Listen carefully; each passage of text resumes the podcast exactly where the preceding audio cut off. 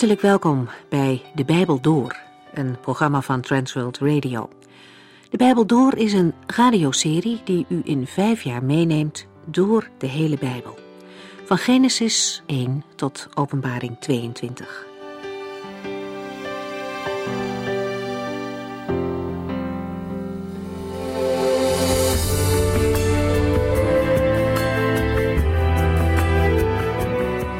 Vandaag kunt u luisteren naar het eerste hoofdstuk uit het Bijbelboek Hosea. In de vorige twee uitzendingen spraken we over de achtergronden van dit boek. Hosea woonde en werkte in het tienstammenrijk in Noord-Israël.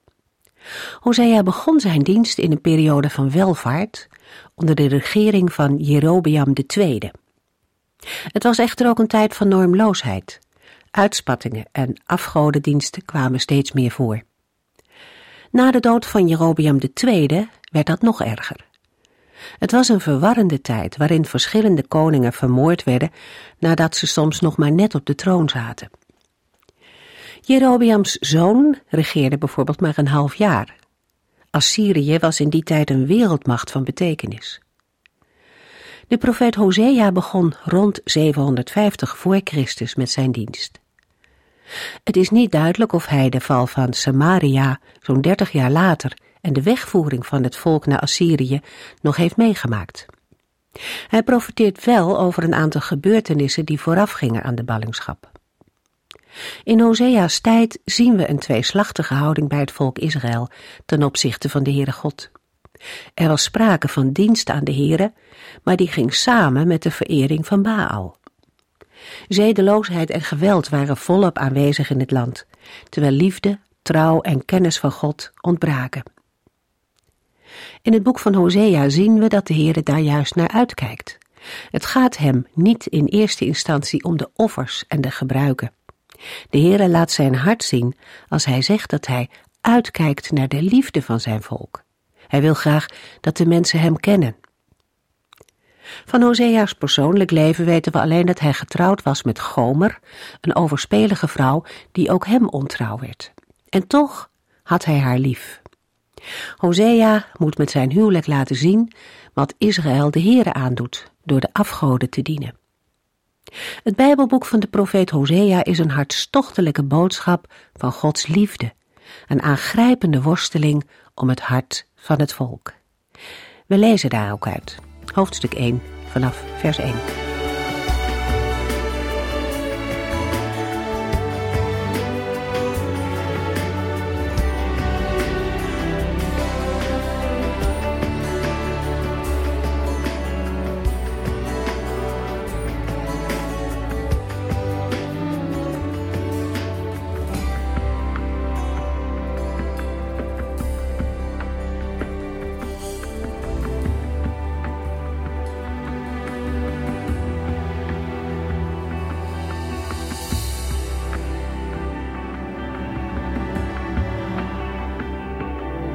In deze uitzending komen we toe aan het lezen van het Bijbelboek Hosea.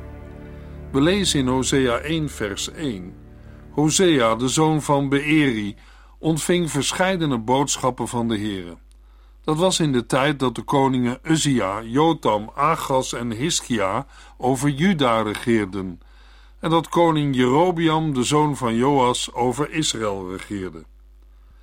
Het Bijbelboek draagt de naam van de profeet aan wie de Heere zijn boodschappen voor het volk Israël heeft doorgegeven. Hosea is waarschijnlijk de enige profeet die niet alleen in het tienstammenrijk, het noordelijke rijk Israël, geprofiteerd heeft, maar er ook zelf vandaan kwam. Het nogal eens van het gangbare taalgebruik afwijkende Hebreeuws dat Hosea sprak en schreef, kan met zijn noordelijke afkomst samenhangen. Uit het opschrift in vers 1 horen we dat de Heere zijn woord tot Hosea sprak in de tijd waarin Jerobiam II koning was over het tienstammenrijk Israël. De eerste woorden van het Bijbelboek zijn niet door Hosea geschreven, maar door een Joodse redactor bewerkt. Opvallend is dat de eerste koningen uit het tweestammenrijk Juda worden genoemd. De regeringsjaren van Uzia en Jotam vielen ongeveer samen met die van de genoemde Jerobiam. maar die van Agas en Hiskia waren in elk geval later. Wat de periode van Hosea's optreden als profeet betreft, is de datering aan de hand van de Koda juister. Hosea is als profeet begonnen in de laatste jaren van de regering van koning Jerobiam II. Uit die tijd dateren waarschijnlijk ook de hoofdstukken 1 tot en met 3. Maar Hosea heeft ook nog jaren na de dood van Jerobiam zijn profetische opdracht uitgevoerd. Het opschrift in vers 1 maakt duidelijk dat de woorden die Hosea gesproken heeft teruggaan op aan de profeet geopenbaarde boodschappen van de Heer. De naam van de profeet betekent God is redding of de Heere heeft geholpen. De naam van de vader van Hosea, Beeri, betekent mijn put of mijn bron.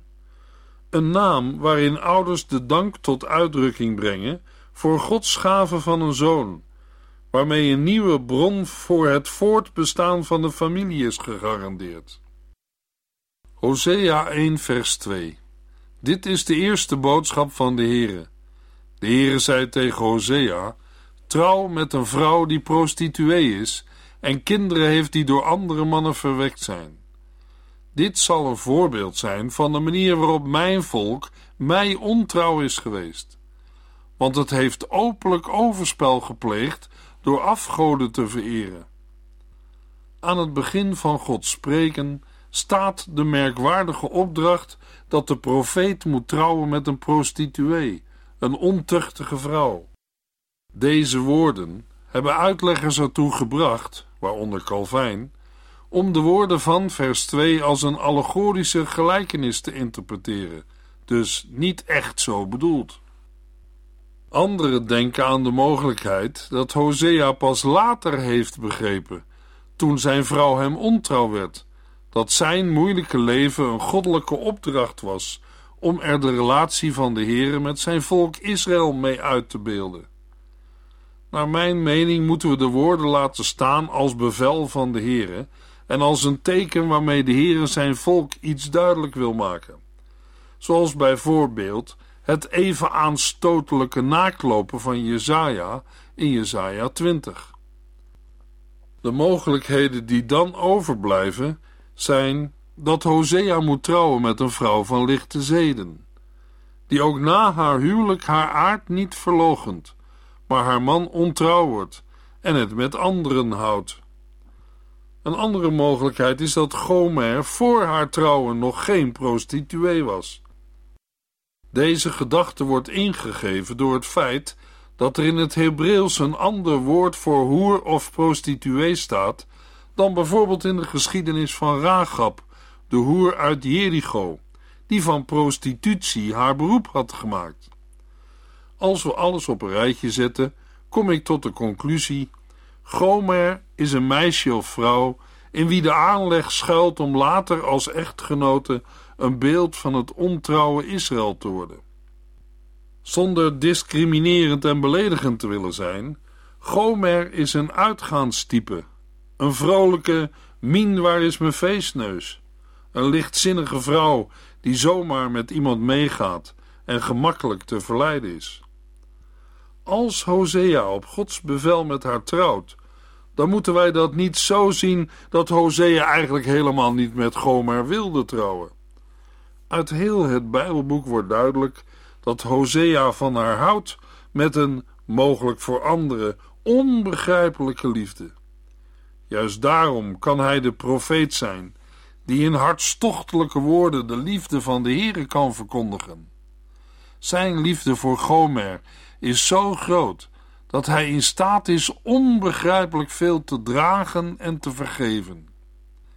Met zijn huwelijk moet Hosea de Israëlieten verkondigen dat zij precies zo zijn als zijn trouweloze vrouw Gomer. De Heere zegt dat zij een voorbeeld zal zijn van de manier waarop mijn volk mij ontrouw is geweest, want het heeft openlijk overspel gepleegd door afgoden te vereren. Ook de woorden: zij heeft kinderen die door andere mannen verwekt zijn, maken duidelijk dat we in Gomer te maken hebben met een ontrouwe en overspelige vrouw. Hosea 1 vers 3. Toen trouwde Hosea met Gomer, de dochter van Diblaim. Zij raakte in verwachting en schonk het leven aan een zoon. Hosea volgde de opdracht van de Heere op en trouwde met Gomer, de dochter van Diblaim. Hoewel oude kerkvaders de namen graag allegorisch interpreteren, hebben wij hier toch eerder met eigennamen te maken. Ook al ontbreekt de naam Diblaim verder in het Oude Testament. De naam Gomer komt voor als naam van een volk en is vermoedelijk een afkorting van een langere naam. Zij raakte in verwachting en schonk het leven aan een zoon. Hosea 1, vers 4 en 5. De Heere zei: Noem het kind Jisrael, want het duurt niet lang meer, of ik zal in het dal van Jisrael wraak nemen op Jehu's koningshuis voor de moorden die Jehu heeft begaan.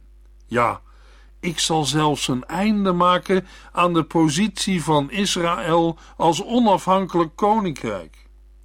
In het dal van Jisrael zal Israël een verpletterende nederlaag lijden.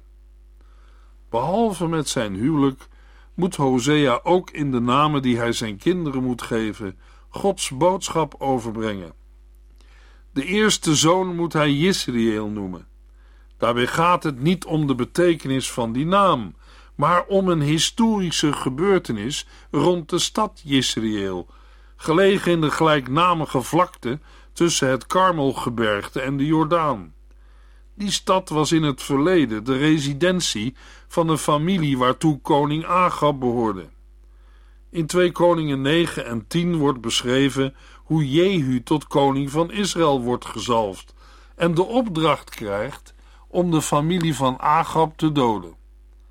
We lezen in 2 Koningen 9 vers 7 dat de Heere tegen Jehu zegt: U moet de familie van Agab, waarbij u in dienst staat, doden. Op die manier zult u de moord op mijn profeten en al mijn dienaren aan Izebel wreken. Maar nu de nazaten van Jehu tot dezelfde zonde zijn vervallen, is het beoogde doel van het bloedbad krachteloos gemaakt. En daarmee is van de daad van Jehu voor zijn nageslacht alleen nog het aspect van moord en bloedschuld over. Daarover zal de Heere bezoeking doen, door ook een eind te maken aan het koningshuis van Jehu, die in Hosea's dagen vertegenwoordigd werd door Jerobiam II, en die met de moord op Jerobiams zoon Segalia inderdaad weldra een gewelddadig einde kreeg.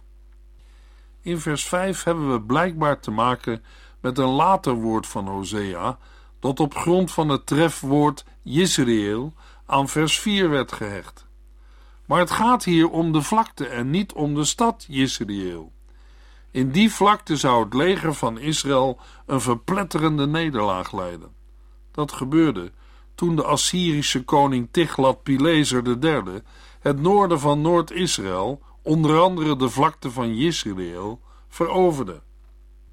Hosea 1 vers 6 Gomer raakte opnieuw in verwachting, en deze keer was het een dochter. God zei tegen Hosea, noem haar Lo Rugama, geen medelijden meer, want ik zal geen medelijden meer hebben met Israël of haar weer vergeven.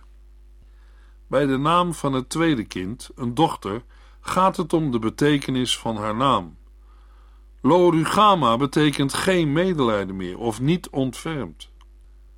De stam van het Hebreeuwse woord duidt oorspronkelijk de gevoelens aan die mensen tegenover elkaar hebben die dezelfde moeder hebben.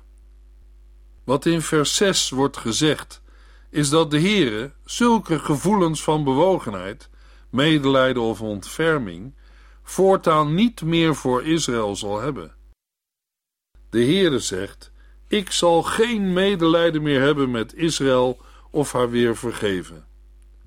Hosea 1, vers 7. Maar ik zal mij wel het lot aantrekken van het volk van Juda. Ik, die haar God ben, zal haar verlossen van haar vijanden, zonder hulp van haar troepen of wapens. Terwijl Hosea op andere plaatsen Juda ook in Gods oordeel betrekt, wordt in vers 7 Juda van het oordeel van vers 6 uitgezonderd. Daarmee wordt aangekondigd dat de Heere na de val van het tien-stammenrijk in 722 voor Christus zich wel over Juda zal ontfermen en verlossing zal geven in de tijd van de Assyrische dreiging. Daarbij kan Juda zich niet beroemen op de kracht van haar eigen troepen of wapens, maar heeft ze de verlossing van haar vijanden alleen aan de Heere te danken, zoals dat bij het beleg en ontzet van Jeruzalem in 701 voor Christus ook inderdaad het geval was. Er wordt in vers 7 niet verteld waarom de Heere zich wel het lot van Juda aantrekt, maar niet het lot van Israël. We zien hierin iets van het geheimenis van de genade van God.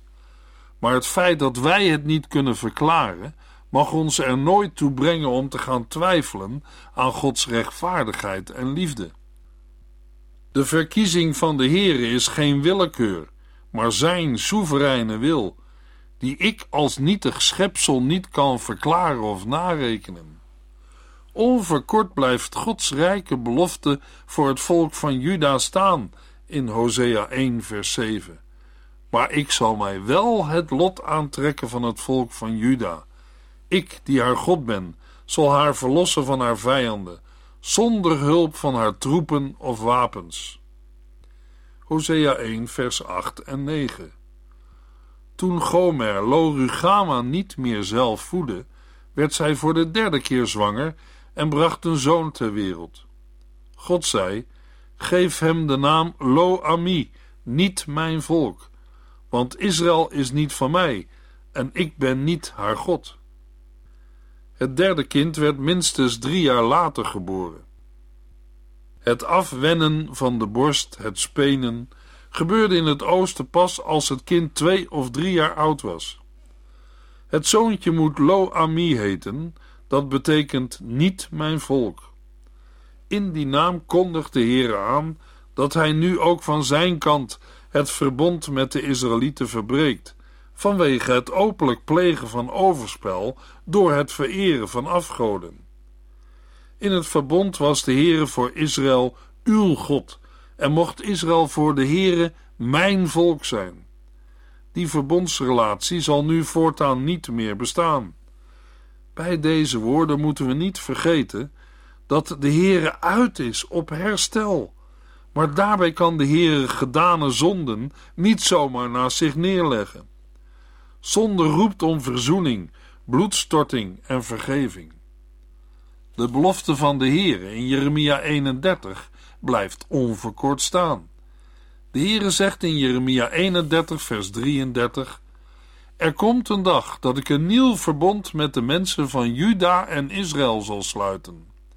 Het zal niet hetzelfde verbond zijn dat ik met hun voorouders sloot toen ik die uit Egypte leidde. Dat verbond hebben zij toen verbroken, hoewel ik voor hen zorgde als een man voor zijn vrouw. Maar dit is het nieuwe verbond dat ik dan met hen zal sluiten. Ik zal mijn wetten in hun harten graveren, zodat zij mij willen eren. Dan zal ik werkelijk hun God zijn en zij zullen mijn volk zijn. Dan hoeven zij elkaar niet meer te vertellen dat het goed is de Heere te kennen, want iedereen, klein en groot, zal mij dan werkelijk kennen, zegt de Heere.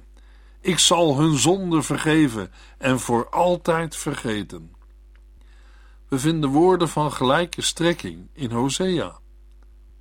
Hosea 1 vers 10 Toch zal eens de tijd komen waarin Israël zal uitgroeien tot een groot volk. Er zullen meer mensen zijn dan iemand ooit kan tellen, zoveel als het zand aan het strand. Op de plaats waar gezegd werd: U bent niet mijn volk, zal ik dan zeggen: U bent mijn kinderen, kinderen van de levende God. Bij de redactie van het Bijbelboek Hosea werd naar de eerste onheilsaankondiging een andere profetie van Hosea geplaatst om van meet af aan duidelijk te maken dat Gods oordeel over zijn volk niet het laatste woord heeft. Eens zal er nieuwe tijd aanbreken. We lazen het ook in Jeremia 31. Maar de woorden doen ook denken aan de belofte van de Heer aan Abraham in onder andere Genesis 15, vers 5. Het komende oorlogsgeweld zal velen doen sterven.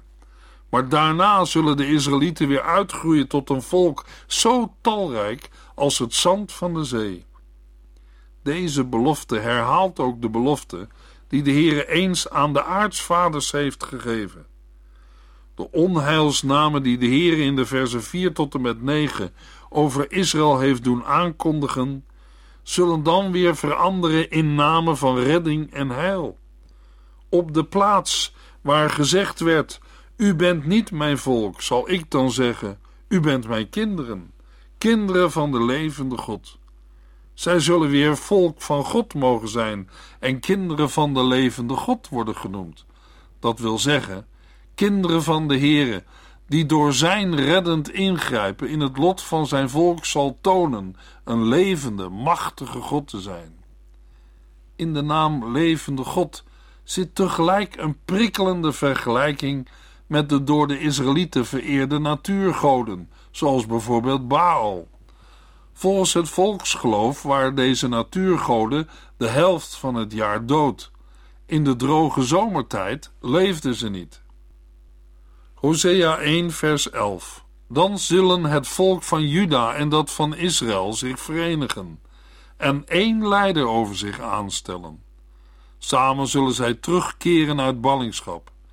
Wat zal dat een grandioze dag zijn, als God zijn volk weer zal uitzaaien op de vruchtbare grond van hun eigen land. Tot het verwachte heil behoort ook de hereniging van het tweestammenrijk Juda en het tienstammenrijk Israël. De broedervolken die sinds de dood van Salomo uiteen waren geraakt en in de jaren 734 en 733 voor Christus zelfs oorlog met elkaar voerden. Samen zullen zij terugkeren uit ballingschap. Samen zullen zij een nieuw begin maken, als het ware opnieuw optrekken uit het land van de slavernij.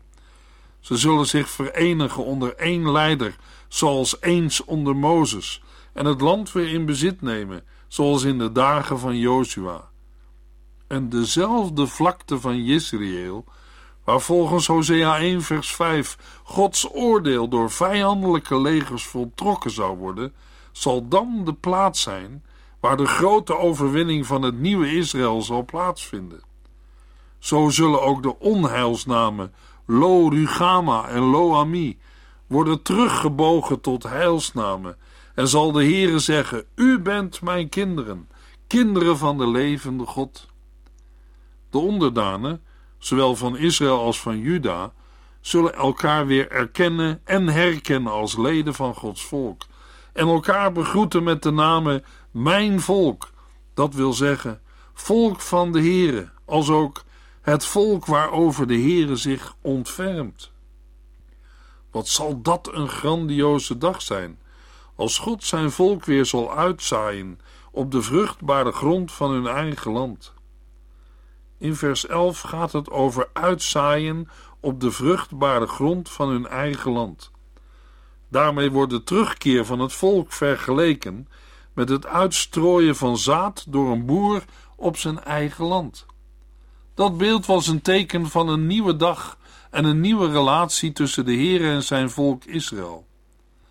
Naast de terugkeer van Joodse mensen naar Israël door de eeuwen heen als ook de oprichting van de staat Israël in 1948, horen we in de woorden: Dan zullen het volk van Juda en dat van Israël zich verenigen en één leider over zich aanstellen, ook messiaanse klanken en het uiteindelijke geestelijke herstel van Israël en de vervulling van Gods beloften uit Jeremia 31. Hosea 1 vers 12 O Israël, Geef uw broers en zusters een nieuwe naam. Noem uw broers nu Ami, mijn volk, en uw zusters Rugama, medelijden. Zoals de namen van de andere kinderen een betekenis hadden, was dat ook het geval met Jisraël. In vers 4 wordt met de naam Jisraël het oordeel van God beschreven. In vers 12 staat het voor de zegen van de Heere. Het volk krijgt nieuwe namen Ami, mijn volk, en Rugama, medelijden. Hosea 2, vers 1. Klaag uw moeder aan, want zij is de vrouw van een ander geworden. Ik ben niet langer haar man. Laat haar ophouden zichzelf aan anderen te geven. Smeek haar te stoppen met haar overspel. Nadat Hosea aan het slot van hoofdstuk 1 het rijke perspectief heeft mogen laten zien van het toekomstige heil, waarin de Heere naar zijn welbehagen zijn verloste volk zal doen delen, wordt in hoofdstuk 2 de draad van Hosea 1 vers 9 weer opgepakt. Dat wil zeggen dat de profeet opnieuw in opdracht van de Heere gaat spreken over de verbroken verhouding tussen God en zijn volk, tegen de achtergrond van het eigen ongelukkige huwelijk van Hosea met Gomer. Hosea is met zijn hele wezen en zijn hele situatie betrokken bij wat hij zeggen moet. Dat blijkt al direct uit de woorden in vers 1. De boodschap die hij brengen moet, is door zijn eigen ziel gegaan. Zo is hij een geschikt instrument in de hand van de Heere om de aangrijpende boodschap van de afgewezen liefde van God en de ingrijpende boodschap van de boosheid van de Heere over de zonde en ontrouw aan Israël door te geven. Maar die boodschap is niet alleen voor Israël. Ook wij doen er goed aan onze oren niet dicht te stoppen, maar goed te luisteren wat de profeet namens de Heere moet doorgeven. Want wat we hier te horen krijgen, is de boodschap van Gods liefde en van Gods toorn. Het is goed dat we ons dat realiseren, want echte liefde vindt niet alles goed. En juist daarom horen Gods liefde en Gods toorn bij elkaar. Wij mensen denken wel eens dat ze elkaar uitsluiten, maar dat is een misvatting en een leugen. Die boodschap vinden we moeilijk en hard. Maar Hosea laat het anders zien. Gods toorn of boosheid is Gods nee tegen de zonde. Zonde verstoort de verhouding tussen de Heere en zijn schepsels, tussen God en zijn volk. En dat wil de Heere niet. Voordat de Heere de zonde ongestraft liet blijven, heeft hij uw, jou en mijn zonde gestraft aan zijn eigen zoon. En de Heer Jezus Christus is gehoorzaam geweest tot de dood en stierf tot verzoening van onze zonde. Wat een wonder! In de volgende uitzending lezen we verder in Hosea 2.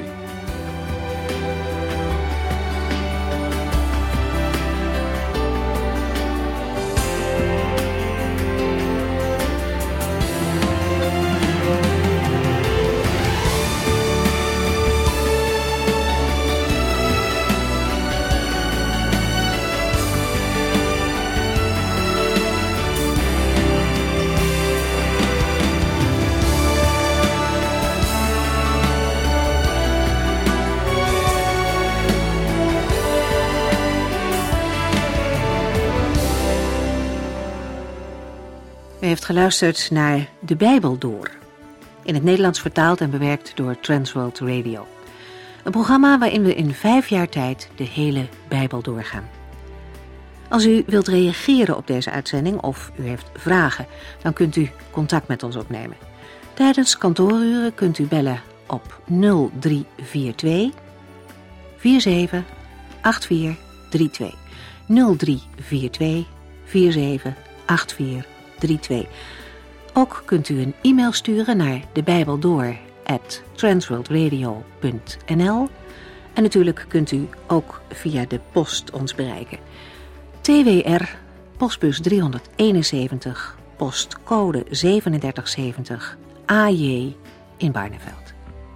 Dit programma werd gepresenteerd door Corweda en Ike André. Techniek was in handen van Odin van Woerdenkom. En namens ons allemaal bedanken we u van harte voor het luisteren.